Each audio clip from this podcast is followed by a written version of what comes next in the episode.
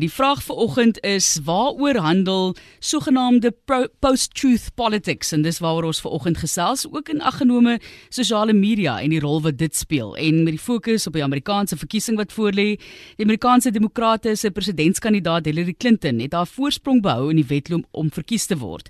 Volgens 'n nasionale opname van Reuters of Ipsos is Clinton voor die Republikeinse kandidaat Donald Trump in die meeste state wat hy nodig het om te wen. Volgens die opname is Clinton se wenkanse byna na 95% indien die verkiesing nou gehou sou word. Een van die kenmerke van beide se verkiesingsveldtogte tot dusver was die beskuldigings wat hulle teen mekaar maak. Crooked Hillary, soos Trump en Clinton uh, vir Clinton noem terwyl sy weer vir hom vra om die waarheid oor sy belasting te openbaar en dan dink jy aan die hele feministiese term nasty woman wat nou nogal baie na vore ook kom. So vanoggend op praat saam kyk ons na die verhouding tussen waarheid en politiek. En die kwessie die Economist gaan lees 'n baie interessante artikel wat hulle praat van the art of the lie. Dit was die September uitgawe Post Truth Politics in the Age of Social Media. En ons gas Dr Piet Kroukamp gaan lekker saam met ons uh, filosofies raak vanoggend, onafhanklike politieke ontleder hier op RSG. Goeiemôre, welkom dokter. Goeiemôre, noem my sommer net Piet asseblief. Goed, um, op jou versoek sal ons so maak, dis ja. reg. Maar uh, Piet, is baie interessant as mense nou praat oor die kwessie dat hulle het nou 'n massiewe lang ontleding van post-truth politics, maar kan 'n mens aanneem dat daar nog altyd regtig absolute waarheid was in politiek? Ek dink nou terug aan die gewone soos die Romeinse tyd byvoorbeeld. Kan 'n mens aanneem dat dit altyd waarheid was wat gespreek is? Nee, nee, ek ek, ek dink niemand enigiemand is so naïef om te dink dat uh politici ooit waarhede gepraat het nie. Ek dink in ons eie konteks as jy bietjie gaan lees byvoorbeeld Paul Creer se joernale en sy dagboeke en sy vertellings dan kom jy agter dat uh daar 'n geweldige hoeveelheid fabrikasies was veral oor hulle verlede, hulle jeugjare, waarvan hulle kom, maar dit beteken net wendig hulle lieg blaatantie. Hulle filter dit maar net deur deur 'n uh, sien nou maar 'n nuwe emosie of 'n uh, weet die vereistes van 'n nuwe waarheid of 'n uh, uh, die die, die vereistes van 'n nuwe beeld wat met handhaaf. Maar dis maar 'n dis maar 'n lewenslange ding dat dat dat politici uh probeer om die waarheid so bietjie meer te filter. Afhangende natuurlik met watter gehoor hy wil praat. Met ander woorde, as dit vir jou belangrik is om te spreek tot iemand wat 'n liberale gehoor is, dan sal jy 'n boodskap vertel ongeag hoe ver dit van die waarheid is, maar dit sal spreek tot 'n bepaalde gehoor en ons moet ook aanvaar dat die meeste mense wêreldwyd stel geweldig baie belang in politiek, maar nie op 'n manier wat ondersoekend is nie, nie op 'n manier wat wat wat wat noodwendig kyk na wat die waarheid is nie. Dit is eerder 'n bevestiging van primitiewe vrese of 'n 'n bevestiging van vooropgestelde idees of naïwiteite.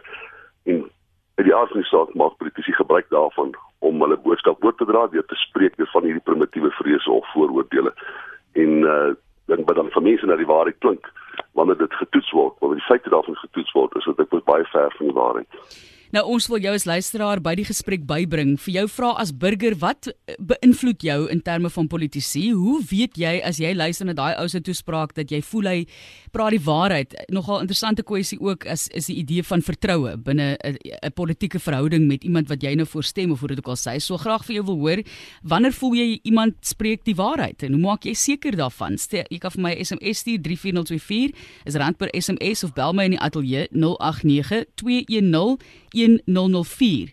Nou die vraag natuurlik ook is die impak wat die ek wil nou sê van die waarhede vir jou, wat vir jou vertel word of die feite wat volgens 'n politieke maatskappy of liewer 'n party vir jou oorgedra word, wat 'n impak dit het op jou stem op die ou end. Nou hulle sê dit kyk, daar was nog altyd soos jy ook nog genoem het, maar sekere onwaarhede betrokke by politiek Piet, maar hulle sê die manier hoe daar nou gejok word en onwaarhede oorgedra word is besig om so groot impak te hê op die samelewing. So hulle is besig om dit anders te doen. Hoe hoe sal jy sien dat hulle dit anders doen? Ja, ek dink mens moet mens moet nou versigtig wees om weer te oordryf en presies die fout te maak wat ons vermoed in verlede gemaak het en dit is om te sê dat uh daar word nou meer gelieg as ooit tevore. Ons moet ook weet dat sosiale media en die beskikbaarheid van inligting en die wyse waarop ons kommunikeer, soos wat jy net reg gesê het, maak dit natuurlik vir mense moontlik om veel meer te weet oor wat aangaan. En dan is dit maar jy's meer bewus van leens omdat hy eenvoudig meer uh of organisasies of instansies is wat jou bewus maak van die feite daarvan. Hier in Suid-Afrika het ons byvoorbeeld 'n organisasie naam van Africa Check. Die Africa Check het al 'n hele paar uh individue in Suid-Afrika blootgelê wat gelieg het oor hulle kwalifikasies. Ons dink aan Paulo Jordan, ons dink aan die aan die voorsitterstans van van die van van van die van die nasionale raad van provinsies.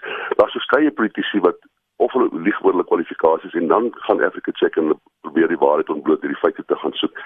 En dit gebeur hier die, ons nou sien in die, as dit terug in verwys miskien na wat gebeur het in die Amerikaanse verkiesing. Uh 'n soortgelyke organisasie in Amerika het bewys dat ongeveer 87% van al die dinge wat uh, Donald Trump sê gedurende sy gesprekke met Hillary Clinton op nasionale TV is of 'n verdraaiing of 'n totale blaatante leuen of 'n onkundig wat hy verkoop uh, wat populêr is uh, in die straat en dan word mense glo dit en herhaal dit maklik.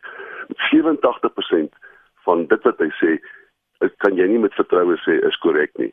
En hulle dieselfde gedoen met Hillary Clinton en bevind dat 27% van wat sy sê is 'n soortgelyke verskynsel van nie heeltemal die waarheid nie of 'n verdraaiing daarvan of baie keer eenvoudig net die feite verkeerd het.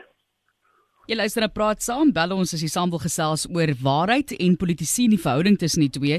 Jy het verwys na daardie onwaarhede. Nou, mense sien ook deesdae geweldig vals webblaaie wat na vore kom, artikels wat op sosiale media versprei word. Mense wonder soms ook maar wie agter dit sit, maar dan is daar nou ook byvoorbeeld die WikiLeaks. Ehm um, ek weet nie of jy dit gesien het. Ek dink dit was gisteraand ja. wat dit opgekom het WikiLeaks en die feit dat die presidentsiële verkiesings se resultate is reeds op besluit. Daar is nie regtig iets soos 'n verkiesing nie. So, hoe moet 'n mens daai sake ook bybring by politiek. Ja, dit dis alles deel van wat wat wat, wat in Engels noem mythmaking, jy weet.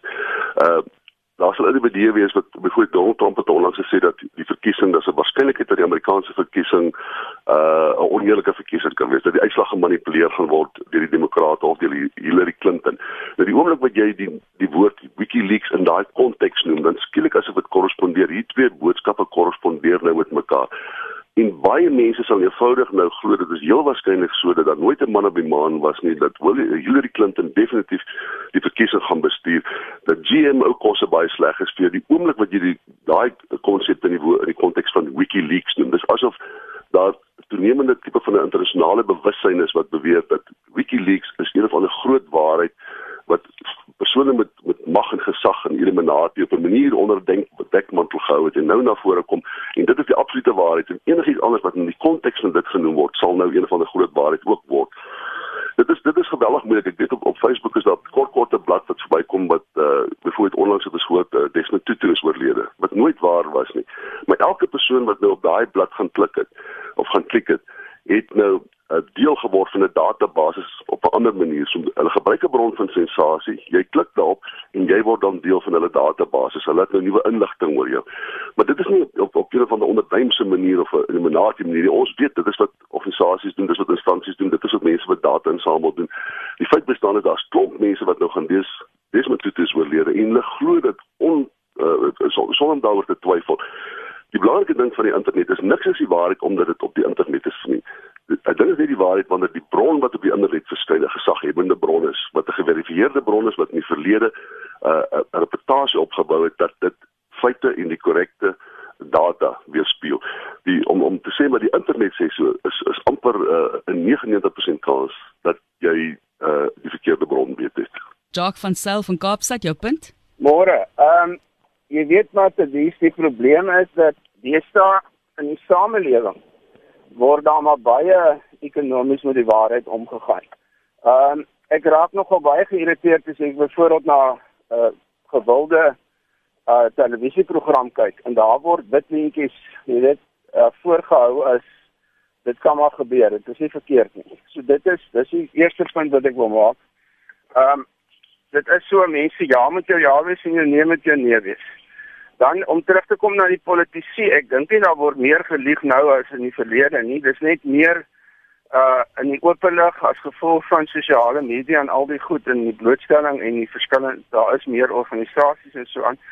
Maar ek wil tog net een punt maak ook nog en dit is dat ehm um, Hillary Clinton was gevra in 'n televisieprogram. En as ek nou Donald Trump was, sou dit een ding gewees het waarop ek gehamer het, maar lyk my nie hy het dit gekyk nie toe vra die ehm um, die aanbieder vir haar, het jy al ooit vir die Amerikaanse volk gelieg? Toe sê sy, uh I try not to. I try not to. I try not to. Drie keer. Nou ons weet van 'n ander ou iewers wat drie keer gelieg het. Uh of drie keer moes sê hy het nie gelieg nie of wat ook al. Ehm um, en toe sê sy I believe I never have. Nou toe ek dit hoor, het ek net gedink dit gaan nie daaroor wat sy glo nie, dit gaan oor wat die volk glo. En ehm um, ons gaan nou maar sien op die 9 November vir wie hulle geglo het.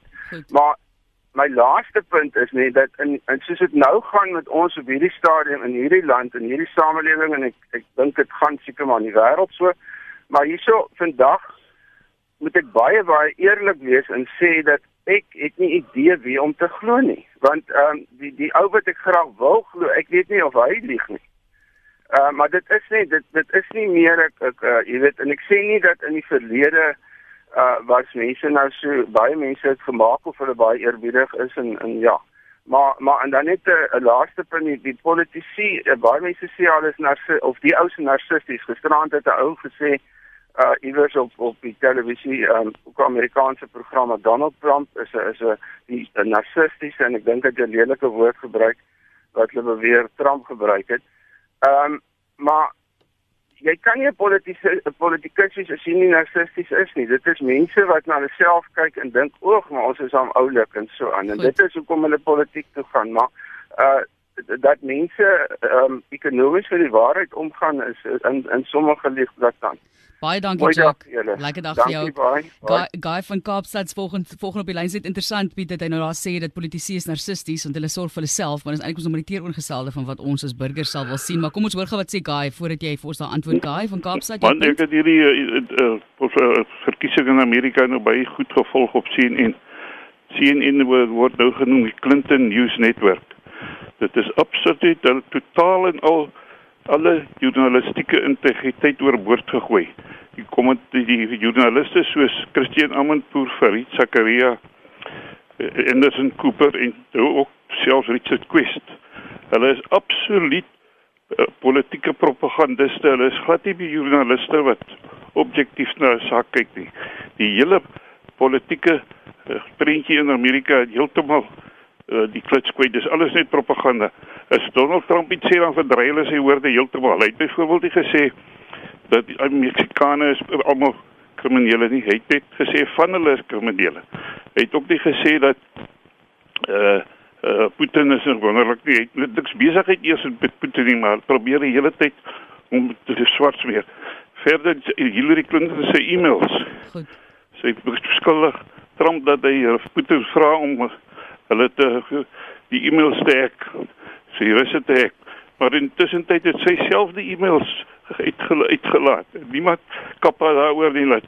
Sy gee die goed self eh, die Russiese hande of in WikiLeaks hande. Ja. Die politieke journalistiek is is totaal in al enige integriteit oorboord te gooi. Baie dankie hoor. Baie dankie Guy van Kaapstad wat so sê. Ons het ook vir professor Willie Breitenberg wat by ons aansluit en voordat ons nou by hom aansluit om vra wat sy sy siening is van hierdie post waarheid politiek soos wat ons dit nou ook probeer vertaal.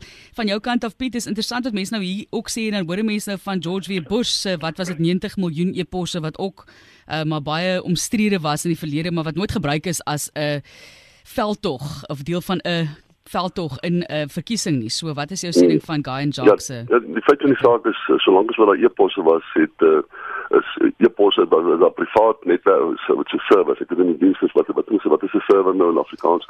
As 'n privaat service gebruik en dat e-posse weggeraak. Ek George Bush het hier ek ek, ek dink daar selfs meer. Ek dink hulle het gepraat van 200 miljoen e-posse wat net eenvoudig verdwyn het. So dit is dit is dit is deel van die van die van die geskiedenis van die e-posstelsel en die serverstelsel, die dienstestelsel wat binne in die in die presidentskap gebruik word. En ek dink dit word oor en oor gebruik deur deur Hillary Clinton omdat as jy dit genoeg sê, dan word dit 'n kriminele saak. As ek net voor die vorige inbeller wat nou gesê het dat uh Trump het nooit gesê dat alle Meksikane is uh, kriminele nie.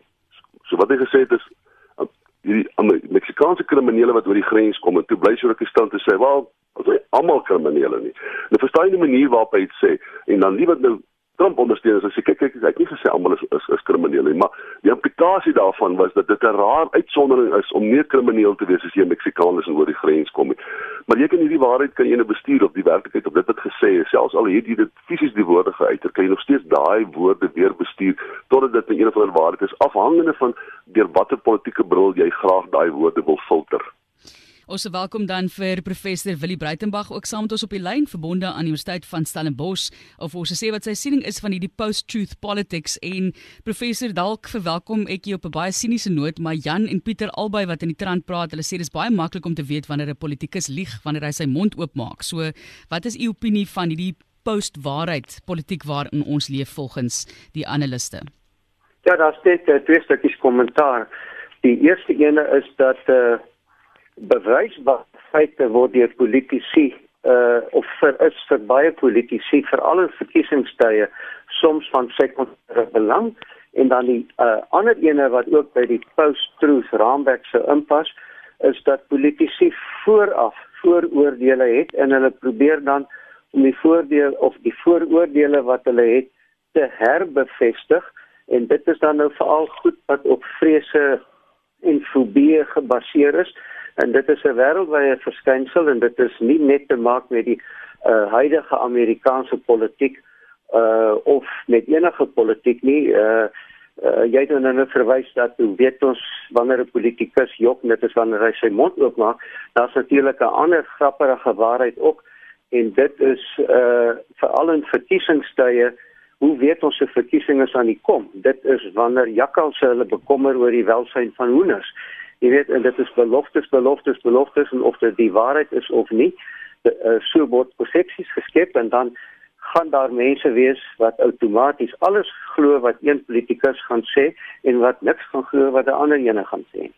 Wat lees ons ons ek net so as ek sê ons konsentreer nou baie sinema op Trump en selfs op Jacob Zuma en ek ek dink daar's daar daar is al soveel refleksie negatiewe refleksie op wat hierdie mense sê dat mense versigtig wees dat jy nie van daai twee individue of bepaalde individue in die politiek ekstrapoleer na die norm toe nie. Ek uh, dink daar was baie baie eerlike politici. Ek uh, ek dink byvoorbeeld aan van Sail Slabber dink ek was 'n was 'n baie eerlike politikus. Ek dink daar's uh verskeie politici binne die ANC wat 'n mens as baie eerlike politikus kan beskou. Jy kan vir hulle agenda verskil, jy kan vir hulle ideologie verskil, maar dit beteken nie dat hulle korrup is of dat hulle doelbewus lieg noodwendig vir mense nie.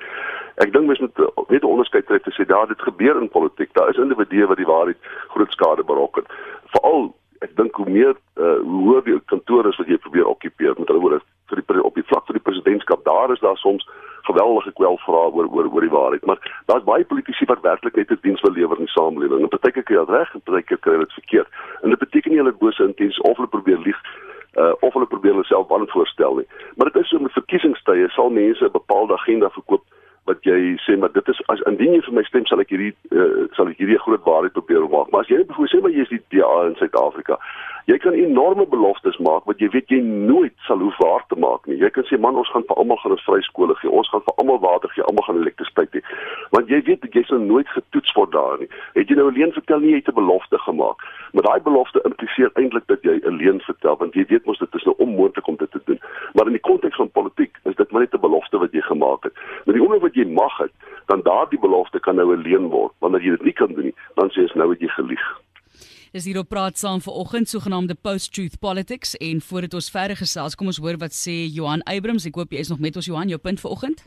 Hoorie Martelies en jou gas en ek um, volg baie die die die, die die onafhanklike politikus of wat ook al.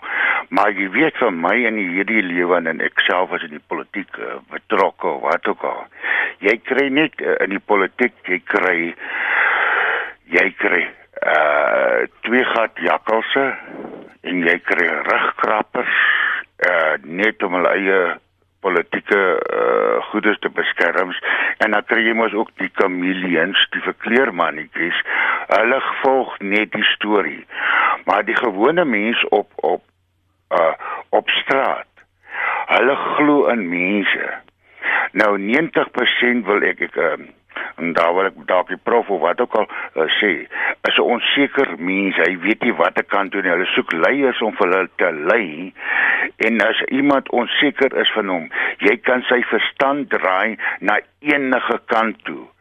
Die leen bly tussenin die leen bly van die politikus.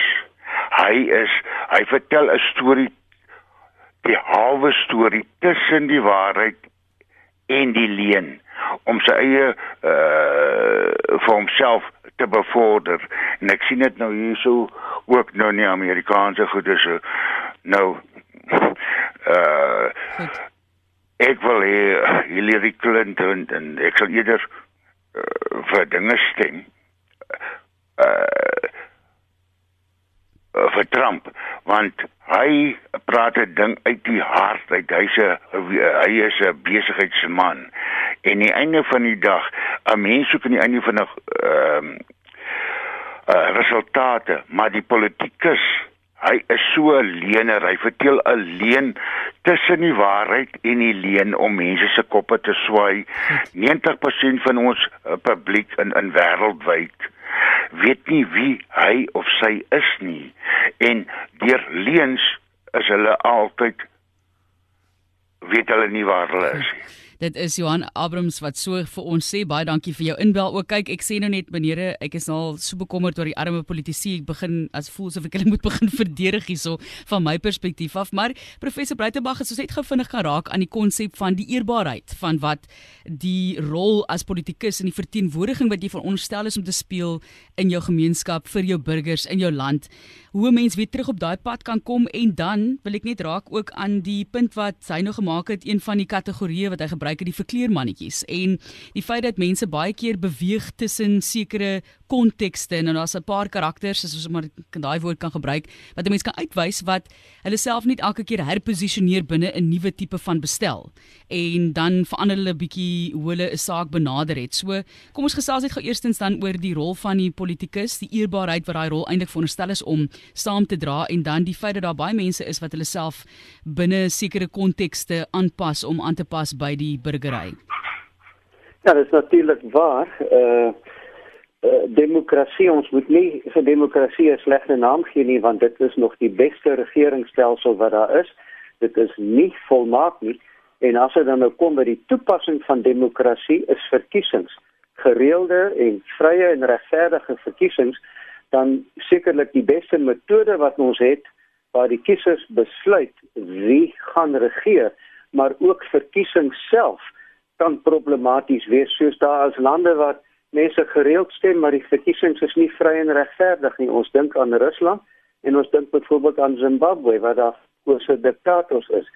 Uh, maar dit is soos dit is. Dit is dit is dit is een probleme is dat daar moet gereeld verkiesing gehou word en dan sal daar polit, uh, sal daar politieke leiers wees wat dink dat hulle die uh, waardes weerspieël van wat hulle kiesers daar buite sag graf sou wou gehoor het en veral in die hier in die Clinton Trump debat dink ek het meneer Trump Donald Trump miskien vooraf besluit soort van kiesers hy wil hê en uh, daai kiesers hou nie van Hillary Clinton nie en daarom is sy veld tog tot dusver baie groot mate gebaseer nie altyd op beginsels van vrye handel en van met die Europese Unie en uh, dit en dat nie maar uh, om 'n uh, beroep te maak op die gesindhede van sekere Amerikaanse kiesers al rondom die moslimprobleem. Uh, jy weet dat alle moslems is terroriste en ons weet dit is nie waar nie. Dit is moontlik so dat die meeste terroriste moslems is, maar dit sê nie dat alle terroriste of dat alle moslems terroriste is nie. Die soort van persepsies word gekweek en dan ook die ding oor die Meksikane, meneer Trump hou vol om te sê hy gaan hier bou. Uh ek dink hy kan maklik praat want op die 9de November wanneer daar gestem word, lyk dit vir my as gister se meningsopnames deurkom uh Donald Trump nie getoets sal kan word of hy na die tyd gaan doen wat hy sê nie want op hierdie oomblik lyk dit nie asof hy die verkiesing gaan wen nie. Die 12% verskil tussen Hillary en hom, uh, iets soos 50-38 en dit lyk nou op hierdie stadium redelike uitgemaakte saak dat uh, Donald Trump uh gaan nie die verkiesing wen nie en omdat uh hy nie 'n uh, amptdraer is reeds nie, sal hy weer teruggaan na die private sektor toe en hy gaan nie weer 'n politikus wees nie want hy was nog nooit voorheen 'n politikus nie. Hy is maar net 'n baie bekende sakeman. Maar wel ek maar lees een van die interessanthede interessanthede is dat uh, daar bevind is dat ehm uh, dit klop in navorsing dat in demokrasie lieg politici baie makliker as in nie demokrasie. Met ander woorde, autoritaire leiers sê net maar Putin in in Rusland Hy hoef baie minder te lieg want dit is nie 'n mededingende politieke stelsel nie en hy hoef ook nie soveel diverse groeperings binne die burgerlike samelewing in ag te neem wanneer hy uh, sy opinie handhaaf of sy beleid formuleer of sy veronderstelde beleid formuleer nie. Maar omdat dit so 'n gekompliseerde wyse is waarop uh, beleid geformuleer word in westerse samelewings of in gevestigde demokratieë, kry jy dat daar 'n groter gelieg is ironies genoeg. Uh in nie 'n enkele verkiesing waarvan ek weet in Rusland was gelieg of liegery 'n vreeslike topik of 'n vreeslike uh uh deel van die verkiesing gewees, maar in Amerika is dit 'n geweldige groot deel. In Brittanje is dit 'n geweldige groot deel van die verkiesing, so ook in Wes-Europa. En hoe verder jy wegbeweeg van demokrasie, hoe minder is dit 'n uh, kontensieuse uh, gesprek in watter mate lieg politici of nie. Dit is hier op RSG. Dis praat saam. Ek hoop jy luister lekker na die gesprek oor sogenaamde post-truth politics waar ons bietjie gesels oor die verhouding tussen die waarheid en politici. En professor Breitenberg het nou jy's ook geraak aan Rusland byvoorbeeld. Daar my volgende vraag sal wees net vir interessantheidsondalwe. Wat watter land praat die minste waarheid? Is daar 'n manier, is daar 'n maatstaf om dit om dit te meet byvoorbeeld uh, Piet?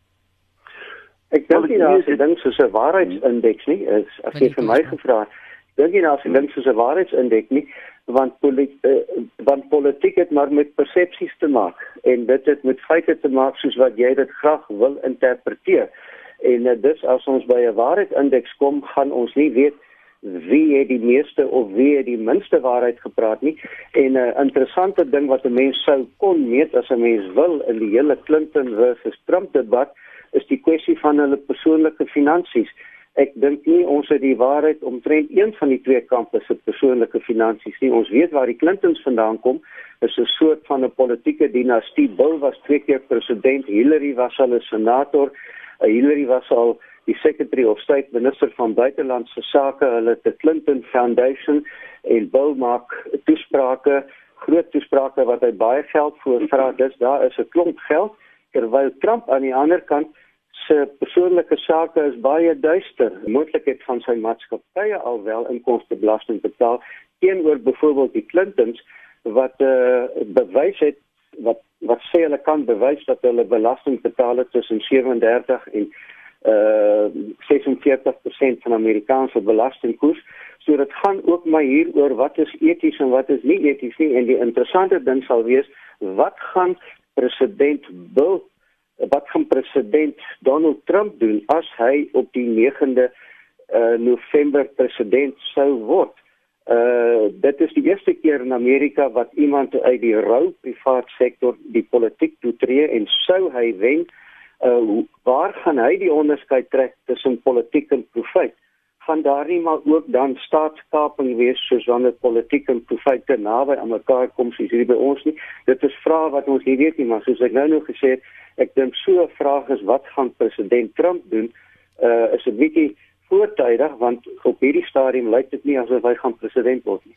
Goed Piet, voordat jy antwoord, ekskuus maar ons het 'n luisteraar. Kom ons gee gou vir Pieter die Jager 'n kans en dan kan jy sommer vir ons volledig gaan na antwoord Pieter, jou punt vanoggend. Goed. Ek uh, wil net drie kort punte maak. Die eerste is dat ons uh, daar moet lê dat daar 'n krampagtige vasklou kan wees aan die loyaliteit wat 'n baie eng lyn is van die waarheid. Dat ons net ook moet kan onderskei tussen die die prinsipiële politiek, dis my tweede punt, wat alle partye raak, wat dan 'n uh, eh, uh, onpartydigheid dan ook uh, impliseer. En dan die derde punt dat uh, daar wanneer dan na die waarheid gesoek word, uh, daar ook moet gelet word op 'n oorgang na die waarheid. Met ander woorde, mens kan nie vra vrou, hoe breek jy die waarheid? uh destyds in die 50er jare van die vorige eeu. Uh as dit mense in die 50er jare gesê het een mens een stem gaan uh, uh, uh gaan eenvoudig daar is nie 'n oplossing daarvoor nie dit moet gebeur. Dan sal mense vir jou sê dis 'n blaktante leuen dit kan nie wees nie maar nou ja, daar bestaan seker so iets soos blaktante waarheid tog. Dis al wat moet sê. Hey, dankie. Baie dankie Pieter. Baie interessante punt wat hy nou na vore bring en dis die kwessie van loyaliteit. Theo Bauman van Klerksdorp sê om baie beknop op te som. Politiek is nie wetenskap nie en kan dus nie ernstig opgeneem word nie. Daar is wel mense wat poog om grade en erkenning te verwerf en sogenaamde politieke wetenskap, maar dit bly wensdenkery. Slegs kinders op kleuterskool kan politiek verstaan nou. Professor Breitenberg, jy was een van my professors, daar het my grade ook nou daarmee heen volgens die Obama. Ja, ehm um, Piet Ja, vir myne ook gewees. Ja nee, daar daar gaan dit ook. So, wat is jou opinie van Pieter en die die kwessie van loyaliteit was my baie interessant wat hy daar gesê het is dat dit gaan nie later eintlik meer oor die waarheid nie, dit gaan miskien maar meer oor loyaliteit baie keer. Ja, maar lees die persoon wat hom uitlaat oor, oor politieke wetenskap. Dit waarskynlik uh, die mense van politieke wetenskap van enigiemand, ek dink dis 'n absolute mistasting wat hy begaan, maar ek dink een van die goed wat mense kan onthou is dat dit is moontlik om feite te verifieer. Uh en wanneer byvoorbeeld uh, Clinton en Trump op openbare verhoog verskyn en mekaar debatteer, dan gaan daar 'n klomp organisasies wat ons nou Africa Check het, nou gaan gaan verifieer die feite wanneer uh dan byvoorbeeld sê die Meksikane is uh, oorwegend betrokke by misdaad, dan is dit moontlik om te gaan en sê man kyk, ons het soveel so groot persentasie Meksikane in Amerika, 3 of 5% van hulle is betrokke by misdaad, is aan dit word vermeld, dit word aangeteken. Ons weet presies wat die data en statistiek is. Meld uh Clinton is verkeerd of hy's reg. So ek dink mense moet versigtig wees om te sê dat dit nie moontlik is om politici te verifieer nie. Daar is voortdurend uh, pogings om om politici te verifieer vir die feite wat hulle gebruik. Maar interessante ding is jy na Suid-Afrika te kon trek. Ek dink vir baie jare en selfs 'n paar jaar gelede nog het uh, president Zuma byvoorbeeld gesê 87% van alle grond in Suid-Afrika behoort aan wit boere. Wat 'n infame leuen was. Dit het onderhandelik stedelike grond ingesluit, dit het provinsiale grond ingesluit, dit het grond ingesluit wat reeds oorgedra was aan swart Suid-Afrikaners en wat weer swart Suid-Afrikaners in die mark gekoop het. Dit het alle grond ingesluit en 50 miljoen Suid-Afrikaners sou president Zuma geglo het. En net maar 4 miljoen wit Suid-Afrikaners was geweldig geafronteer daardeur. Maar hulle het nie feite gehad wat hulle wil hê nie. Hulle was net polities kwaad oor dit gebeur. En hierdie verkeerde feite het in die openbare domein voortbestaan en 'n waarheid van hulle eie oor tyd gekry. En uh die belangrikste rede hoekom dit voortbestaan was omdat dit gekorrespondeer het met die historiese gebeurtenis wat almal as die waarheid ervaar met oor apartheid se onregverdighede het feite hoe verkeerd dit ook al is in die nuwe Suid-Afrika uh, as sof geverifieer uh, oorgedra. En ons weet almal dat dit nie naaste by die waarheid is nie, maar ons het dit oor en oor vertel en politici het dit oor vertel want hulle vertel dit vir 'n vir 'n vir 'n deel van die samelewing wat dit verkies om dit so te hoor as gevolg van 'n historiese ervaring wat hulle gehad het. Nou Jacob Zuma het waarskynlik uh, wat homself betref nie gelieg nie. Dis hoe hy die feite gekry van sy raadgewers. En die raadgewers het hulle verlaat op 'n historiese mite wat ontstaan het in 1913 om dit te verkondig as sou dit nog steeds 'n waarheid wees. Nou, uh die interessante ding is dat hulle boere landgroot landbouorganisasies in Suid-Afrika het as dit het, het absoluut niks gedoen om hierdie mite te weerlê nie. Hulle het dit net gesê maar dis nie waar nie, maar hulle het nooit die feite na vore gebring nie. Daar was nooit behoorlike navorsing gedoen deur hulle om daai mite te weerlê nie. En dit ons doen dit nou deesdae. Maar dit is hoe die geskiedenis baie keer uh wan mistastings en wanopvattinge oordra na die toekoms toe en dan bestaan daai onwaarheid hy kry lewens hy in die bestaan as 'n ware voort in die mond van politici. Aldo van George het ook 'n boodskap hierdeur gestuur. Hulle sê ek stem saam dat alles op die internet nie noodwendig die waarheid is nie. Ek gebruik die organisasie se oorspronklike eie of tuis webblad om inligting te bekom. Dan is daar ook die geskiedeniswaarhede as dit geleer word in skole of universiteite, dan neem ek aan dis die waarheid. Maar weer eens nie alles ook op universiteite volgens die skrywer is waarhede nie, soos die Darwin teorie glo Aldo duidelik glad nie in nie. Nie net 'n teorie, daar is geen konkrete bewyse daarvoor nie. Dis volgens Aldo van George. Dan wil ek op daai noot vra van goed ons ons rol as burgers in verspreiding van inligting ook op sosiale media en dan wat kan 'n mens sien as 'n sogenaamde check and balance om seker te maak dat politici op hierdie onderwerp vanoggend tussen die verhouding van waarheid en politici om hulle eerlik te hou as ek dit so kan stel. Ek weet julle het nou gesê daar's 'n paar maniere om dit reg te kry. Jy het gesê byvoorbeeld Piet om feite te verifieer, daar is maniere om dit te doen. So watter tipe van check and balances kan ons instel? Kom ons begin by professor Breitenberg. Nommer 1 is daar instellings. Daar's die howe en ons weet nou van die hele stories rondom uh, uh, die openbare beskerming so en uh, so behalwe die howe instellings en dan uh, die sogenaamde false estate die media veral die geloofwaardige media die geverifieerde media uh om uh, so laat in die 20ste eeu waar ons nou al is 21ste eeu te sê ons het nie van beter geweet uh, is 'n bietjie van 'n lui antwoord want uh, in die soort van uh media eeu waarin ons leef uh, het mense wat moeite maak wel toegang tot beter feite in die ou tyd het hulle nie gehad nie Ek dink byvoorbeeld aan Napoleon en Hitler. Die een vaste reël is jy val nie Rusland in die wintermaande in nie. Napoleon het dit gedoen hier in die 1815 en 1815 en 120 jaar later het Hitler dit gedoen. En as hulle beter media gehad het en beter kommunikasie gehad het, sou nie een van Napoleon of Hitler daardie verskriklike blapse aangevang het hier in die wintermaande Rusland van die weste af met voetsoldate in te vang. So dis maar net maar net 'n voorbeeld van blapse in die geskiedenis waar as die feite inligting beter beskikbaar was, uh miljoene mense nie op hierdie manier sou dood gegaan het nie en ek dink ek ek wil nie nou oordramatiseer nie, maar uh, dit is ook op ons vandag van toepassing wat ons hier maak, naamlik dat die verantwoordelike kiezer uh het toegang tot beter media en moet die beter media dalk meer benut as byvoorbeeld die sosiale media wat wat baie maklik gerugte versprei en dan word 'n gerug die waarheid en uh so lei die waarheid skade. En Pieter se mense nou dink aan as daai gerug eers bekend gemaak is, al is dit 'n leen, hy steek vas, nee, dit gaan nie sommer net weg nie. Raak effe hom sommer net ontslaan nie. Hy hy's permanent. Baie van die, die strewe na om dinge reg te verstaan en om dit onafhanklik te sien, dit is dit is 'n bietjie met 'n persoonlikheidstipe te doen ook. Indien jy iets wat jy hoor filter deur 'n uh, ideologie of 'n meesternarratief, as jy sê ek is 'n kommunis of ek is 'n sosialis, ek is 'n moslim, ek is 'n Christen, uh enige enige groot verhaal waardeur jy dit filter daai waarheid het jy 'n redelike kans om 50% van die tyd verkeerd te wees. Iemand het net gesê Charles Darwin dit was verkeerd. Hy glo nie daarin nie. Dit gaan nie daaroor of jy dan glo of nie, dit is wat jy weet daaroor. Jy as jy enigiets glo, die oomblik wat jy woord glo gebruik, is daar 'n regverdige kans dat jy verkeerd gaan wees. Jy praat nie van God soos jy praat van ek glo in kommunisme, ek glo in sosialisme. Ek glo in Jacob Zuma of ek glo in van sy van sy slap. Die oomblik wat jy glo in iets, is daar 'n 50% kans jy verkeerd kan wees. Dit gaan oor 'n persoonlike tipe. Gaan oor hoe jy in die wêreld kyk, probeer op 'n onafhanklike manier kyk. Elke moontlike feit te verifieer in terme van die verlede, die geskiedenis, die mate waartoe dit ekstrapoleerbaar is en elke opinie moet jy ontleed afhangende na gelang van die feite wat bestaan. En jy moet so ver as moontlik na die feite soek. En dit is 'n persoonlikheidstipe, dis 'n manier van kyk na die wêreld. Die soeke na die waarheid gaan oor hoe jy na die wêreld kyk. Dit gaan oor hoe jy dink. Dit gaan nie oor wat jy dink nie. Dit is hoe jy dink.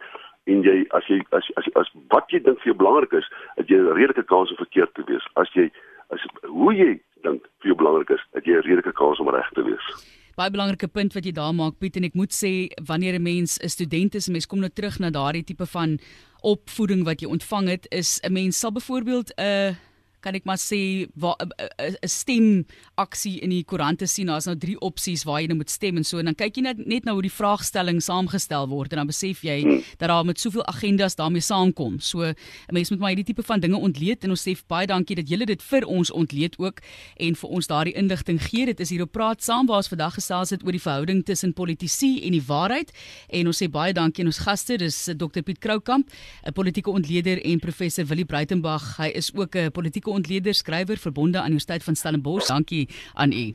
Baie terugvoer ook hier op die e-pos wat ons ontvang het op rsg.co.za. Hele paar mense wat saam met ons gesels en iemand wat ook sê ja, hulle luister nou so politikus my 'n ander woord verleens. 'n Politikus kan as gevolg voorgestel word as 'n slang wat 'n vis uit die water vang en dan bemark die politikus homself as die redder wat die vis gehelp het voor hy hom verdrink het. En dis van Erik Viljoen. Dit is sy uitleg wat hy daar vir ons gegee het. Baie dankie daarvoor. Dit is op die SMS lyn waar jy met ons kan gesels 34024 gedurende ons programme Derentyd. Môreoggend kan jy weer inskakel van 8 tot 9 vir gesprekke van aktuële belang op Praat Saam.